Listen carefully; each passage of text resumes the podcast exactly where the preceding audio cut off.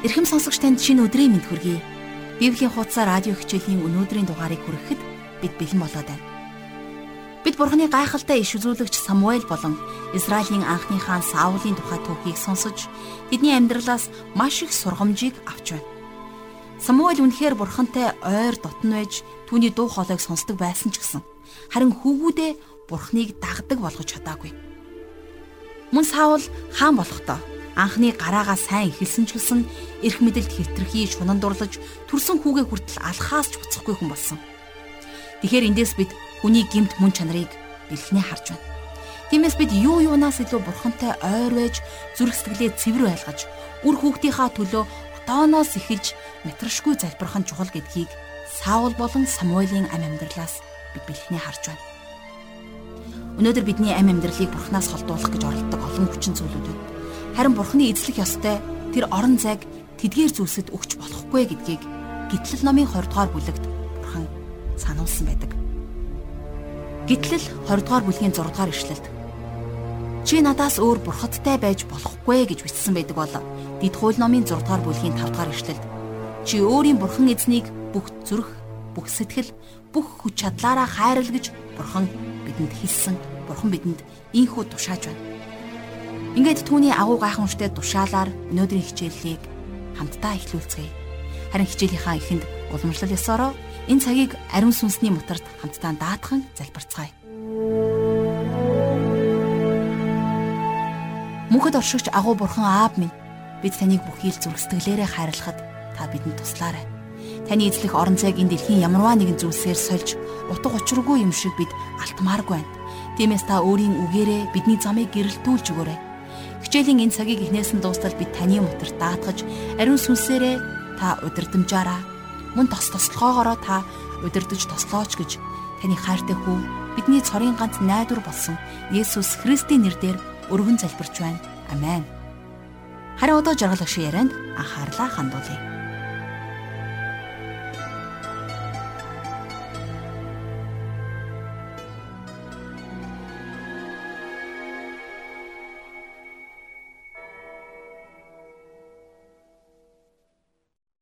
Өнөөдрийн бидний үзэх 1-р Самуэль номын 15 дугаар бүлэг дээр Саул хаан бурхныг эсэргүүцсэн тэрсэлж байгаа тухай үйл явдал гардаг. Тэр өөрийнхөө гим нүглийг хаацалахын тулд Самуэлийг өөрийнхөө талд оруулах гэж оролдож байгааг бид харах болно. За бас энэ бүлэг дээр Саул хаан ширээнээс эргэлт буцалтгүйгээр түлхэгдэн унна. Саулийн унахыг харсан Самуэль тэрний төлөө маш ихэд гашуудж байгаагаас тэрнийг хайрлах сэтгэл харагддаг юм. Амалекчүүд бас Агагийг яагаад бурхан бүр мөссөн устгахыг хүссэн бэ? За энэ талаар бид энэ бүлгээс багахан зүйлийг мэдэж авах болно. Тэгэхээр энэний хариулт болгож Эстер ном бидэнд дэлгэрэнгүй хэлж өгдөг. Учир нь евдээчүүдийг тэр чигээр нь устгахыг хүсч байсан Хамаан гэгч хүн болвол Амалек хүн байсан. Тэд нар хамгийн анх Израильчуудыг цөлд байхад нь ямар ч шалтгаангүйгээр тэднэр лөө дайрсан учраас Бурхан тэдний энэ увайгүй зан чанарыг нь мэддэг байсан. За Саулийн амьдралыг бид нэр үргэлжлүүлэн судлахдаа тэрнийг үнэхээр сатаны хүн байсныг нь олж харах болно. Тэр үнэндээ хизээч зүрх сэтгэлдээ аврагдаж Бурханыг таньж мдээгүй боловч өөрийгөө Бурханы хүн мэтээр харуулахыг хүсч байсан хоёр нүүртэй хүн байсан юм. За тэр бас Агагийн тал дээр өөрийнхөө хийсэн буруу зүйлсийг нуун дарагдуулахыг оролддог. За ингээд энэ бүхнийг судлах 1-р Самуэлийн 15 дугаар бүлгийг дэлгэж эхний 3 ишлэлийг хамтдаа уншицгаая. Самуэль Саулд Таныг өөрийн ард түмэн Израилийн хаан болгон тослохоор эзэн намайг илгээсэн. Тиймээс одоо эзний үг ба дуу хоолойг сонсох тун. Төг төмдийн эзэн инхүү айлдаж байна. Би Амалекийг шийтгэн. Учир нь Израилийг Египтээс гаргах замд тэд түүний эсрэг давталсан юм. Одоо явж Амалекчуудыг бут цохиод тэдний хамаг юмсыг бүрмөсөн сөрүүлж бүр шөөгтөн. Эр эм, нялхас хүүхэд, үхэр хонь, тэмээ элжиг бүгдийг нь ал гэж хэлвэ. Тэгэхээр та Амалекчуудын түүхийг сайн мэдэхгүй болвол тушаал танд дэндүү хатуу харгас санагдаж болох юм. Мосе тэдний тухай сайн мэддэг байсан. За тийм учраас тэр Дэд хууль номын 25 дугаар бүлгийн 17-оос 19 дугаар ишлэлдэр өөрийн хойч үедээ захихтаа Египтээс гарч ирэхэд замд чинь Амалек чамайг яасныг санахтун. Тэд эзэн бурхнаас чинь айсангүй. Та нарыг аян замдаа ядарч зүдэрч явхад чинь уулзаад ард чинь хоцорч явсан сул дорой хүмүүс рүү давталсан билээ. Тиймээс эзэн бурхан чинь чамд өв болгон эзэмшүүлэхээр өгч буй тэр газар нутаг дээр чиний бурхан эзэн эргэн тойронд чинь байгаа бүх дайснуудаас чамайг ангижруулж амраах тэр цагт чи Амалекийн дурсамжийг Тэнгэрийн доороос арчин хаях ёстой чи бүү март гэж Мосе захин бичсэн байдаг.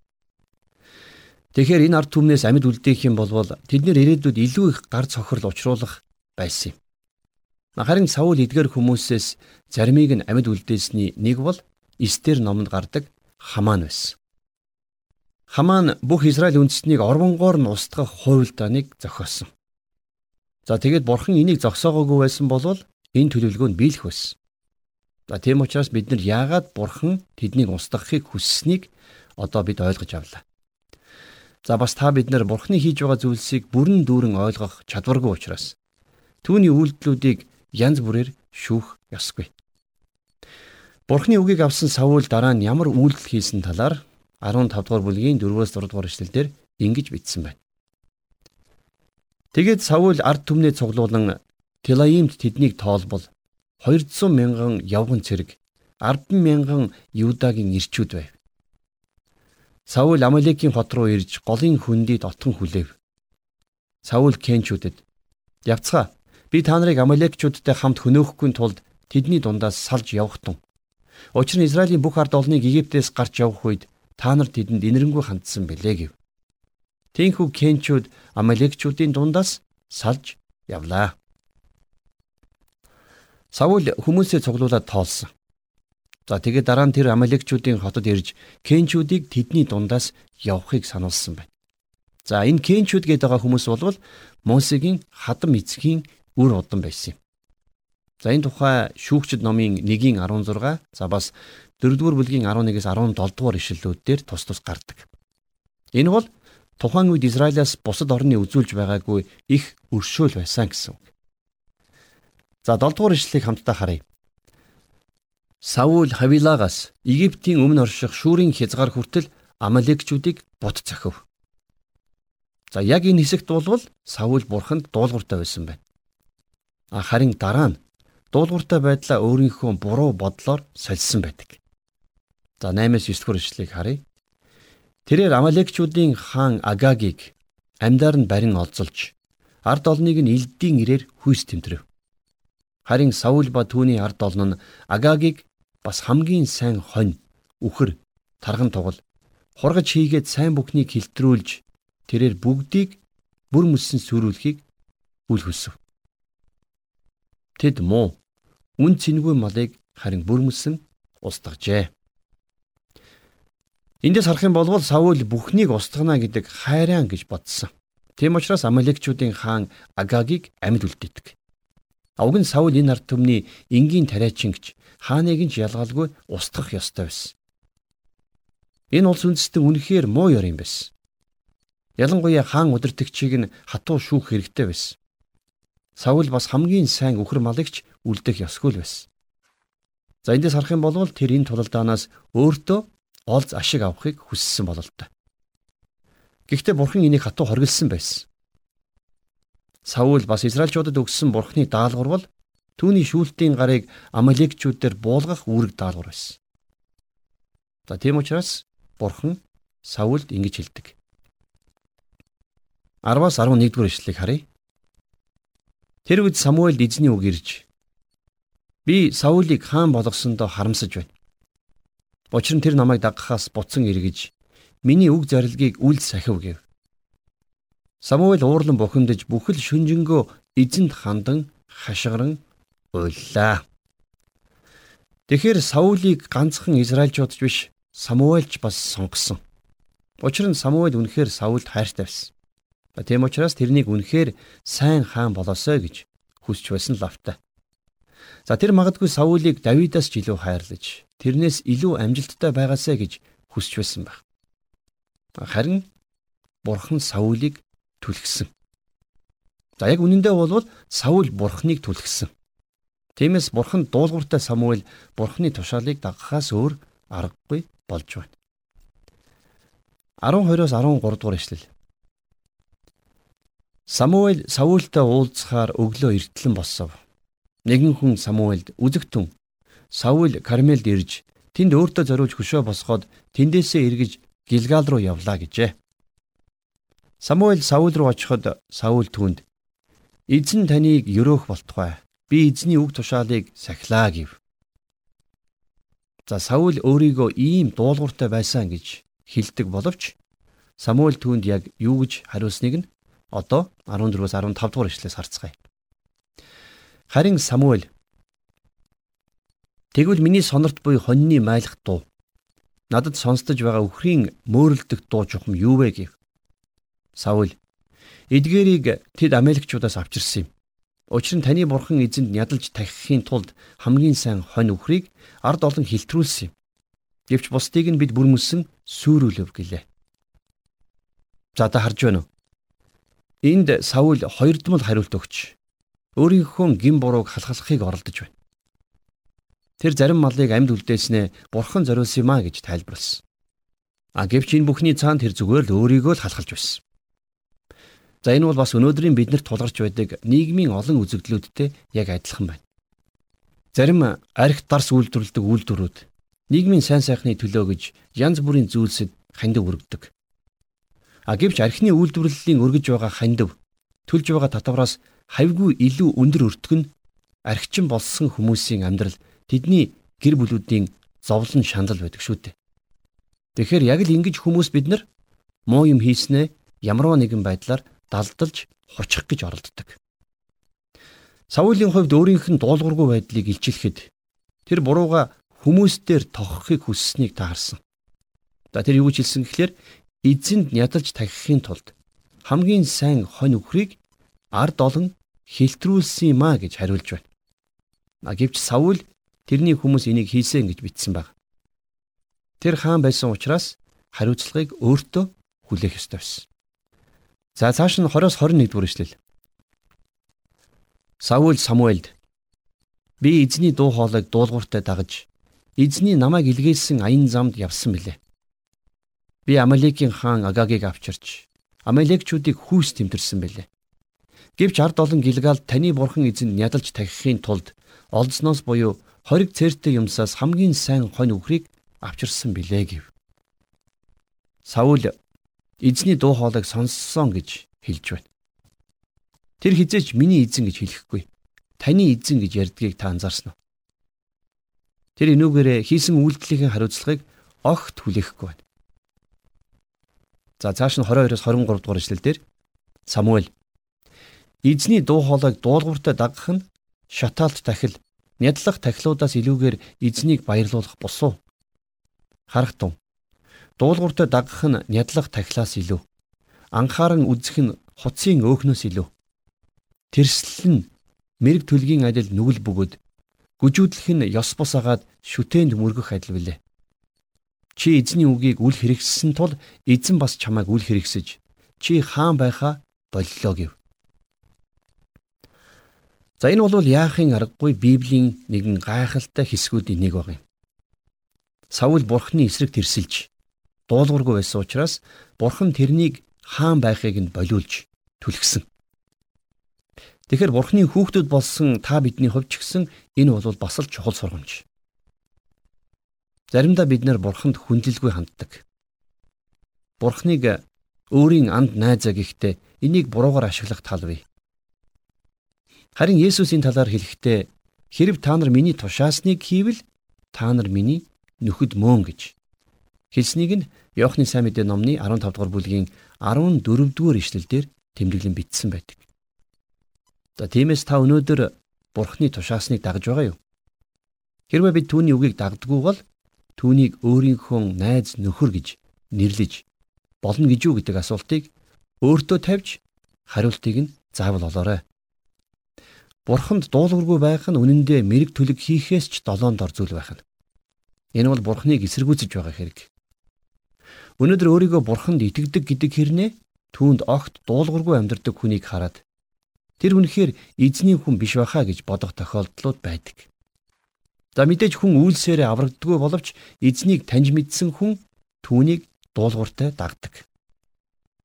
Тэм учраас Есүс Иохны 14-ийн 15 дугаар ишлэлдэр хэлэхдээ хэрвээ чи надад хайртай бол миний тушаалуудыг сахиа гэж тушаасан. Тэгэхээр ер нь бурхны хүүхэд байна гэдэг бол түүнийг ховчлон дотн таньж мэдхийг хэлнэ. Тийм учраас Христэд итгэх итгэл нь бусад бүх шашнаас өөр байдаг. Та ямарваа нэгэн шашны удирдагчийг өөрөө мэдэхгүй ч гэсэн мухраар дагаж болдог. Харин Есүс эзнийг таньж мэдлгүйгээр Христэд итгэгч байх боломжгүй. Тийм учраас Есүсийг таньж мэднэ гэдэг бол мөнхийн ам юм шүү дээ. За гэтэл Саул яасан гэж 24 дугаар ишлэлдэр Саул Самуэлд би ард олноос айж тэдний дуу хоолойг сонссон учраас эзний тушаал болон таны үгийг үнэхээр зөрчиж нүгэл үлдлээ. За бас л өөрийгөө өмөрч байна. Тэгэхээр та энэ хүний хандлагыг нь сайн хараарай. Тэр хүмүүсээс айсан учраас тэдний хүслийг дагсан гэсэн байна. Тэр бүх хүнд таалагдахыг хүсч байсан. Өнөөдөр та бидний дунд савул шиг хүмүүс маш олон байна. Тэр гим нүглээ хүлээн зөвшөөрсөн боловч чин сэтгэлээсээ гимшээгүй байна. За цааш нь юу гэж хэлснийг хамтдаа харцгаая. 25-аас 29 дэх эшлэл. Тиймээс одоо миний нүглийг уужилж надтай хамт буцахтун. Би эзэнд мөргөө химэн өгүүлв. Гэвч Самуэль Саулд би тантай хамт буцахгүй. Учир нь та эзний үгийг үл хэрэгссэн бөгөөд эзэн ч таныг үл хэрэгсэж Израилийг захирах хаан байлгахыг болиулсан билээ гэв. Самуэль явхаар эрэхтэл Саул түүний дээлийн хормоноос зуурч урав. Самуэль түүнд өнөөдөр эзэн танаас Израилийн хаанчлалыг урж таслан танаас илүү сайн таны хөршид түүнийг өгөв. Мөн Израилийн алдар худал ярихгүй. Харамсаж буцагчгүй. Учир нь тэр харамсаж буцдаг хүнтэй огт адилгүй гэв. Бурхан Саулийг хаан болгохыг зөвшөөрсөн. Харин тэр нүгэл хийсэн учраас бурхан түүнээс хаанчлалыг нь эргүүлэн авч байна.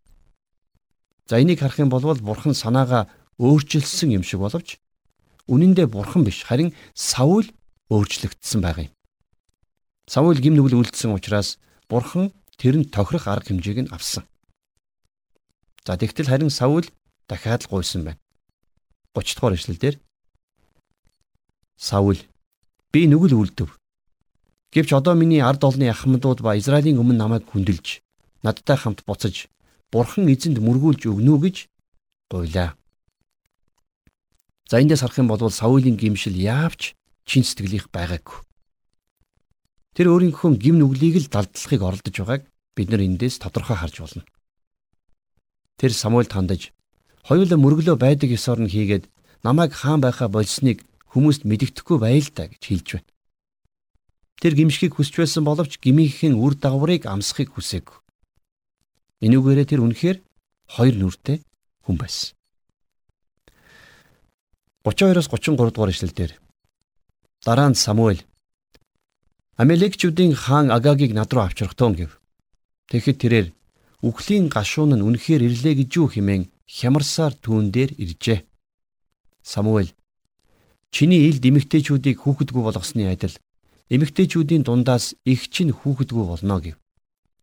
Самуэль Агагийг Гилгалд эзний өмнө тас завчив. Агаг өөрийнхөө амьдралыг дуусгах болсныг мэдэж байсан учраас Самуэлийн өмнө хямарсаар ирсэн гэж дээр бичсэн байна. За ингэж иш үзүүлэгч Самуэль Агагийг хөнөөс.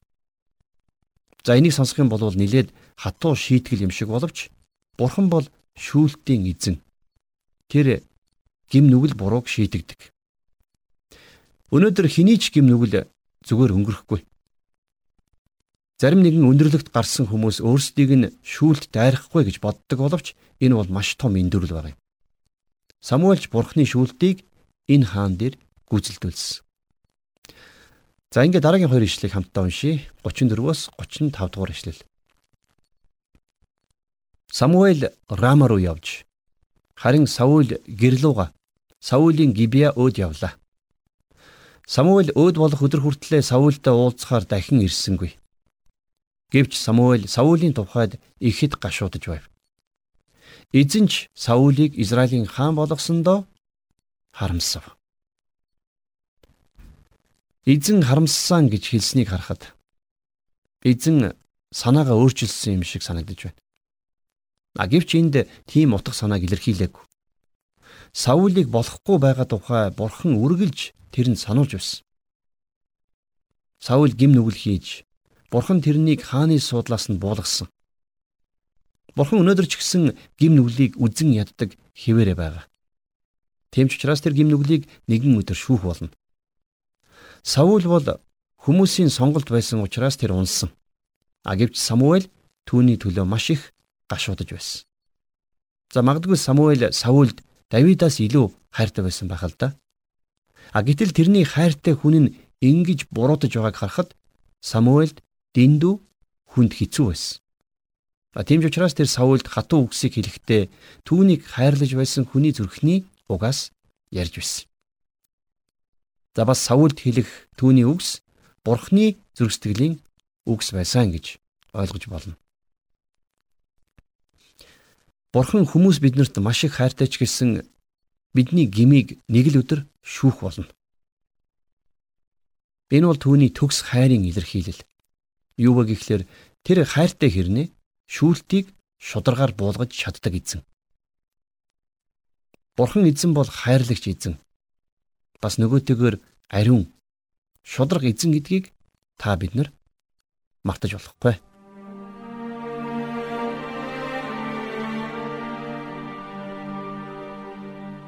Тэгэхэр бурхны хайр агууч гэлээ шудраг бус явдлын өмнө хизээж сөхөрдөггүй. Түүний хайр биднийг сахилгажуулж зөв замаар хөтлөхөд хүргэдэг. Тиймээс бид хэрхэн амьдарч байгаагаа үнж цэгнэхээс гадна эзний зэмлэлийг даруугаар хүлээн авах тийм зүрх зоригтой байх. Тийм төвчээрт суралцах хэрэгтэй. Таныг би Бурхны нэгэн гайхамшигтай үгээр урамшуулахыг хүсэж байна. Энэ бол Еврей номын 12 дугаар бүлгийн 6 дугаар ишлэл. Учир нь эзэн хайрладаг хүнээ сахилгажуулдаг юм. Тэр хүлээн авдаг хүү болгоно ташуурддаг гэж бичсэн байдаг. Тиймээс та түүний энэ айл дүрийг цаг үргэлж санаж эзний үгсэд дуулууртай амьдрахыг илүүд үзэж түүнийг бурхнаас гон залбираасаа гэж хүсэж байна. Энэ хүрээд өнөөдрийн хичээл маань өндөрлөж байна. Харин та сурсан зүйлийнхаа төлөө бурханд талархах цаг заавал гаргаарай. Хайртай бурхан аав минь, та бол ариун бас шудраг бурхан. Таны үг биднийг сахилгажуулж, таны хүслийн дагуу зөв шудраг амьдрахад бидэнд үргэлж тусалдаг, замчулдаг, чиглүүлдэг. Таны хайр нэгүслийн төлөө, таны хайрын үйлсийн төлөө танд талархлыг өргөж байна. Гэхдээ бид гимтэй учраас хаяа бид өөрсдөө дэндүүх авирлаж бид өөрсдийнхөө хүслийг дээгүүр тавьж таны ариун байдлыг бид огоордог. Тиймээс их эзэн минь ээ бид мөхөс сул дорой зан чанар үйлдэлүүдийнхаа төлөө таны өмнө гимшин улааж байна. Их эзэн минь ээ бидний цус мэд улаан толботой гим нүглүүдийг та ноос мэд цагаан болгож сайруулаач. Та бидний алдаатай зөрчилтэй бидний сул дорой мөхөс байдал дээр Хурганы ариун цусаар та биднийг цэвэршүүлэн та биднийг толбгүй цэвэр ариун болгооч. Их эзэн минь ээ тэгээд тийхүү бидний ам амьдралаар дамжуулж бидний ахархан богино амьдралын маань өдр хоногудаар дамжуулж эзэн Есүс та алдаршаач. Бүх зүйлээ танд өргөж их эзэн таны аваа нэрээр төгс хүчит нэрээр залбирanгуйж байна. Амен.